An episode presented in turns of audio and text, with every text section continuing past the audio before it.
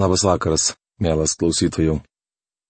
Šiandien mes pratęsime kelionę Biblijos puslapiais Senuoju testamentu, toliau nagrinėdami pranašo Jeremijo knygą. Praėjusioje laidoje pradėjome 7-10 skyrių apžvalgas, kurių tema - įspėjimas skelbiamas viešpaties namų vartuose. Po maldos tęsime skyriaus apžvalgą ir nagrinėsime temos dalį - bausmė už stameldystę. Dangiškasis tėve, mes dėkojame tau už gyvenimą, kurį tu mums dovanojai, už kiekvieną dieną, kurią galėjome pragyventi ir kad šiandien galime girdėti tave prabylantį į mūsų širdis per tavo žodį. Dėkojame tau, kad šį vakarą, kaip esame įpratę, susirinkome kad išgirstume tave prabylanti šios nuostabios knygos puslapiais. Prašom, kad tu padėtum mums suprasti tą laikmetį, kuriame gyveno pranašas, tos istorinius įvykius, suvokti, kaip jautėsi ir kodėl taip atsitiko su Izraelio tauta, kad jie pradėjo garbinti stabus. Meldžiame, kad tu mums savo dvasios pagalba išaiškintum tai, ir mes galėtume pamatyti save tokius, kokius tu mus matai. Kad galėtume atsiversti iš savo suklydimo ir pradėti tave garbinti atnaujintą širdimi. Prašom, kad tavo žodis prasiskverbtų į kiekvieno klausančio širdį. Tu melžiame Jėzaus vardu. Amen. Taigi bausmė už stabmeldystę. O tu nesimelsk už šitą tautą, neužtark jų maldavimų, neįtikinėk manęs, nes aš tavęs neišklausysiu. Jeremijo knygos 7 skyriaus 16 eilutė. Dievas sako, nesimelsk už šitą tautą, kol ji neatsigręš į mane. Tai bauginanti eilutė. Viešpats teigia, kad nebėra prasmės melstis už judą. Tauta pernelyg nutolo nuo Dievo. Jei į jį neatsigręš, jei neliks jokios vilties. Manau, kartais mums nevertėtų melstį žmonėms palaiminimo. Siki lankiau vieną savo bažnyčios narį ligoninėje ir meldžiausi už jį. Gretimoje lovoje gulėjęs vyriškis paprašė kad pasimelščiau ir už jo sveikatą. Kai paklausiau, ar jis krikščionis, tas vyras atsakė, jog tiki Dievą. Paaiškinau, kad tai nepadaro žmogaus krikščionių. Ir paskelbiau jam Evangeliją ragindamas patikėti viešpačiu Jėzumi Kristumi. Vyriškis atsakė, jog jam tai nepriimtina, bet vis viena pageidavo, kad už jį pasimelščiau. Tada tariau. Brolau, melsiuos už jūs, bet ne taip, kaip jūs norėtumėte. Jūs norite, kad paprašyčiau Dievą jūs išgydyti ir palaiminti, o aš melsiuos, kad jūs įgytumėte išgelbėjimą. Tai vienintelis dalykas, ko galiu jums prašyti savo Dievą.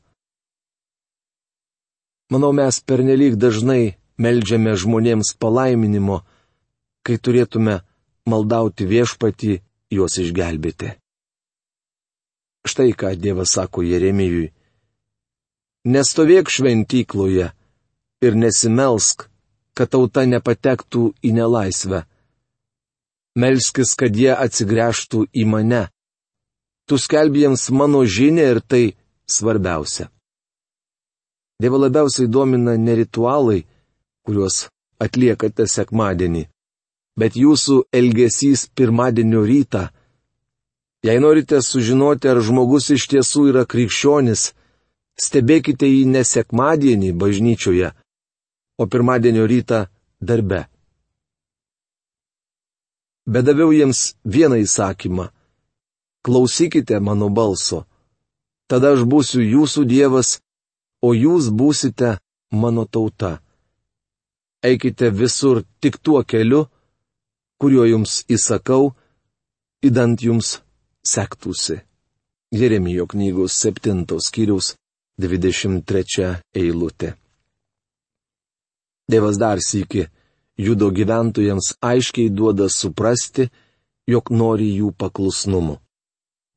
Šventyklos lankymas yra sveikintinas dalykas, tačiau tai nėra paklusnumo pakaitalas. Sakoma, kad dauguma žmonių į bažnyčią ateina paganyti akių arba pamiegoti. Daugeliu atveju taip ir būna.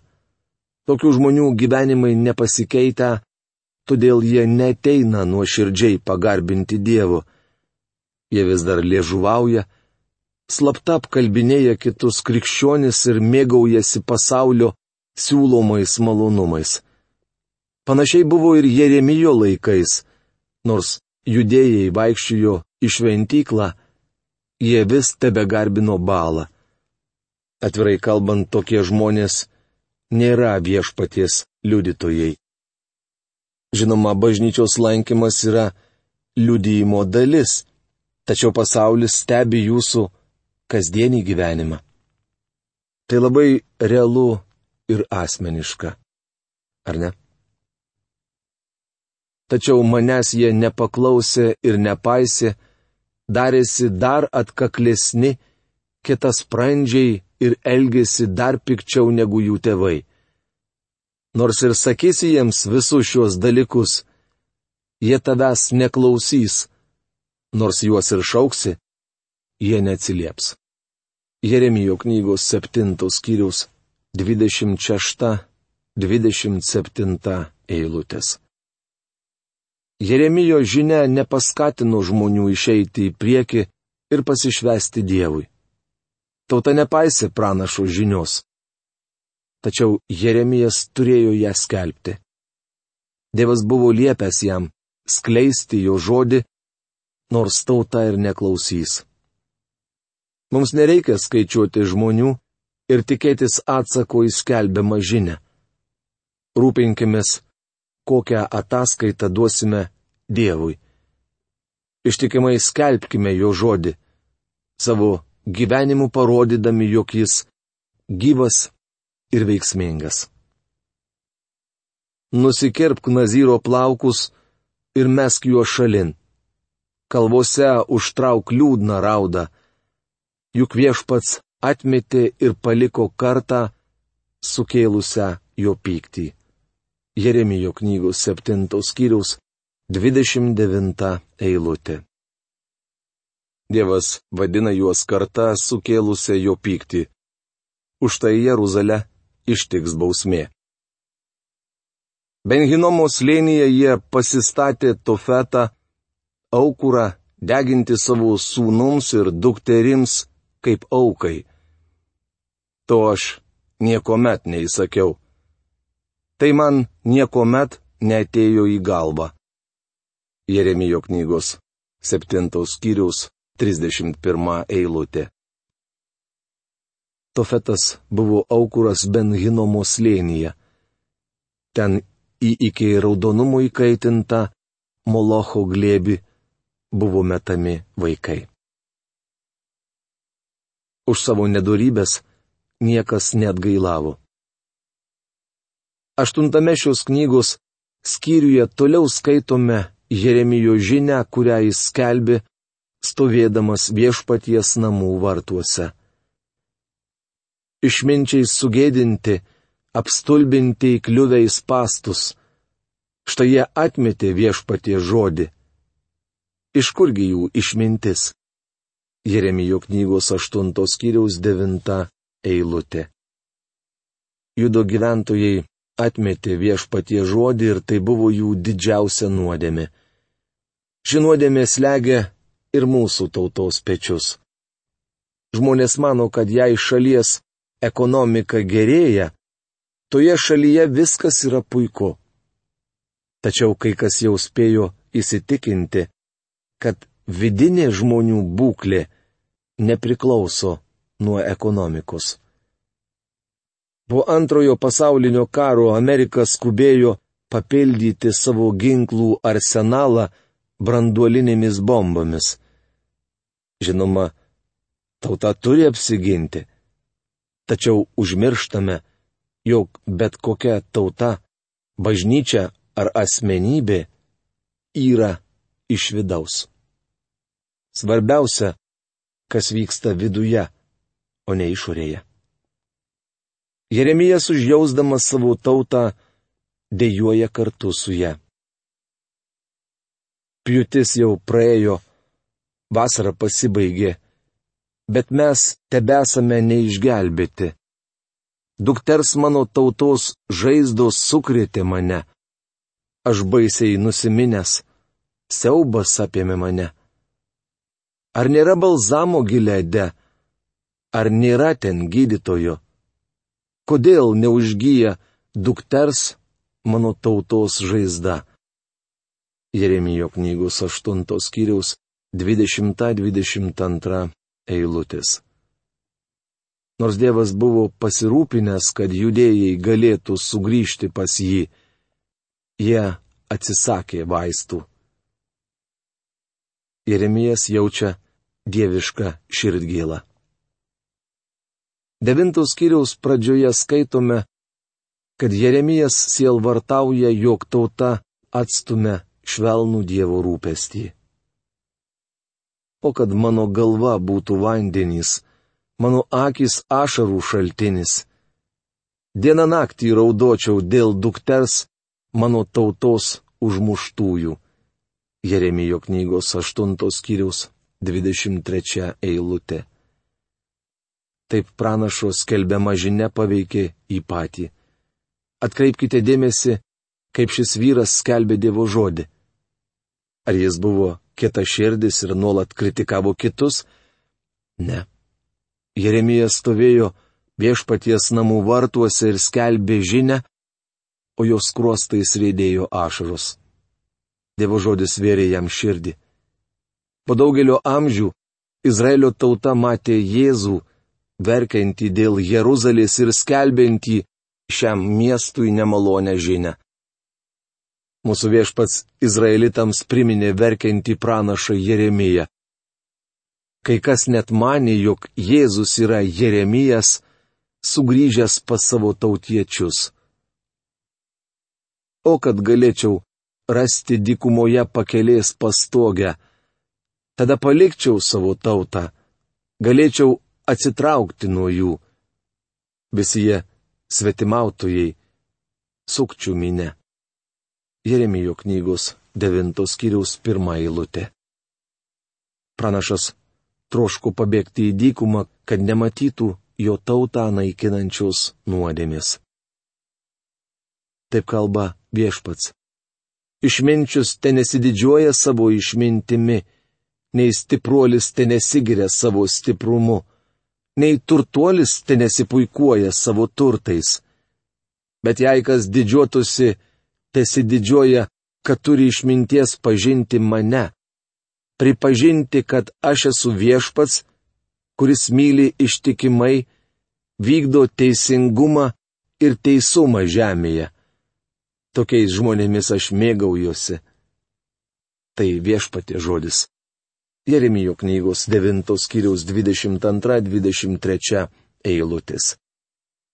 Šios dvi nuostabios šventojo rašto eilutės gali būti nepriklausomos viena nuo kitos, todėl dažnai cituojamos atskirai. Besgi reikėtų neužmiršti, kad ši žinia buvo skirta Dievo žodį atmetusiai tautai. Kuo didžiuojasi mūsų tauta?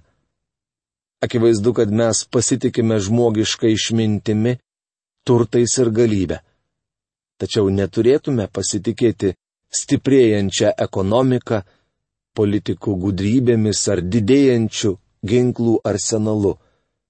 Mūsų stiprinti gali tik dvasinės bei moralinės vertybės, tvirtas charakteris ir kilnus tikslai. Akivaizdu, kad šiandien apie tai mokyklose užsimenama labai retai, todėl jaunai kartai būdinga grubumas ir amoralumas kaip sakė Jeremijas, prieblandoje mūsų kojos klupinėja ant kupstų. Šiandien mūsų tauta plaukia pasroviui, kitaip tariant, ritasi pakalnin. Žinau, kad apie tai kalbėti yra nepopuliaru. Regis taip neįgysiu naujų draugų ir nepelnysiu žmonių palankumo, tačiau tą patį išgyveno Jeremijas. Aš elgiuosi taip kaip jis, nes dar turiu vilties, kad mūsų šalyje gali kilti prabudimas. Jei kas didžiuotųsi, tesididžiuoja, kad turi išminties pažinti mane. Mūsų šaliai labai reikia vadovų, kurie pažintų Dievą, išmanytų jo žodį ir jam paklustų. Manau, kad jau užtektinai esame prisiklausę bedievių filosofijos. Šiandien mums būtina sugrįžti pas Dievą. Išsižadėkime savo veidmainystės, įmantrumo ir įsivaizdavimo, jog esame nepaprastai gudri tauta. Mes didžiuojamės savo pasiekimais, kai turėtume šlovinti Dievą. Dešimtame skyriuje baigėsi Jeremijo ištarmė, pasakyta viešpaties namų vartuose ir prasideda kita šios knygos dalis, kuri baigsis dvyliktame skyriuje. Joje kalbama apie reformas ir prabudimą, kilusį tautoje, kai kunigas Hilkijas atrado įstatymo knygą. Įstatymo knygos atradimas padarė didelę įtaką karaliui Jošijui. Jis vokė, kad tauta visiškai nuklydusi nuo Dievo kelio. Dievo žodis sujaudino šį vyrą ir labai jį pakeitė. Sušaukęs visą tautą, karalius sudarė sandurą viešpaties akivaizdoje - įsekti ir jam tarnauti. Stabmeldystės kvailybė. Skaitydami šį skyrių sužinosime, kad Izraelio namai buvo suradę Dievui pakaitalą. Žmonės visuomet ieško, kuo galėtų pakeisti Dievą. Kiekvienas, kuris negarbina tikrojo ir gyvojo Dievo, garbina jo pakaitalą. Dažnai toks žmogus tampa Dievu pats savo. Iš tikrųjų, dauguma bedievių garbina save. Kiti garbina pinigus ir yra pasiryžę viskam, kad tik praloptų. Dar kai tik viešiasi šlovės, pamindami savo orumą vardan neverto tikslo. Jeremija sako, kad Dievo pakaitalų gali būti labai įvairių. Klausykite žodžio, kurį viešpats pasakė apie jūs, Izraelio namai. Taip kalba viešpats. Nemėgdžiokite tautų elgesio, nenuogastaukite dėl ženklų dangaus kliaute, nors dėl jų tautos ir nuogastauja. Jeremijo knygos dešimtos skyriaus pirmą antrą eilutės. Šiandien žmonės savo gyvenime vadovaujasi zodieko ženklais ir horoskopais. Jie nori žinoti, po kokiu ženklu yra gimę ir klausosi įvairių paistalų, kuriuos žiniasklaida skelbia kaip tiesą ar faktus. Dievas įspėja, nemėgdžiokite tautų elgesio. Bičiuli, šiandien propaguojama astrologija tai yra pagoniško pasaulio palikimas. Beje, nepainiokite astrologijos su astronomija. Kaip žinote, astronomija yra mokslas apie visatą ką tautos tiki, tai grina apgaulė nestabas, tik rastigalis iš miško medžio, išskoptas meistros kaptuku, papuoštas auksu ar sidabru, prikaltas plaktuku ir vinimis, kad nenugriūtų. Jeremijo knygos dešimtos skyriaus trečia ketvirta eilutės. Kai kurie žmonės tvirtina, kad šioje pastraipoje Smergdamas tabmeldystę, Jeremijas kalba apie kalėdų eglutę. Tai juokingas ir absurdiškas aiškinimas. Jeremijas nekalba apie kalėdų egles, nes pranašo laikais niekas jų nepuoždavo. Savo tautai jis kalba apie stabų garbinimą. Ką tautos tiki, tai grina apgaulė, kitaip tariant, tai visiška tuštybė. Akivaizdu, kad Jeremijas kalba apie nuo metų stabmeldystę ir kandžiai ją išjuokia. Pranašas primena savo tautiečiams, kad jie eina į mišką, nusikerta medį, išsidrožia iš jo stabą, papuošia jį auksu ar sidabru, sukala vinimis ir štai jų dievas.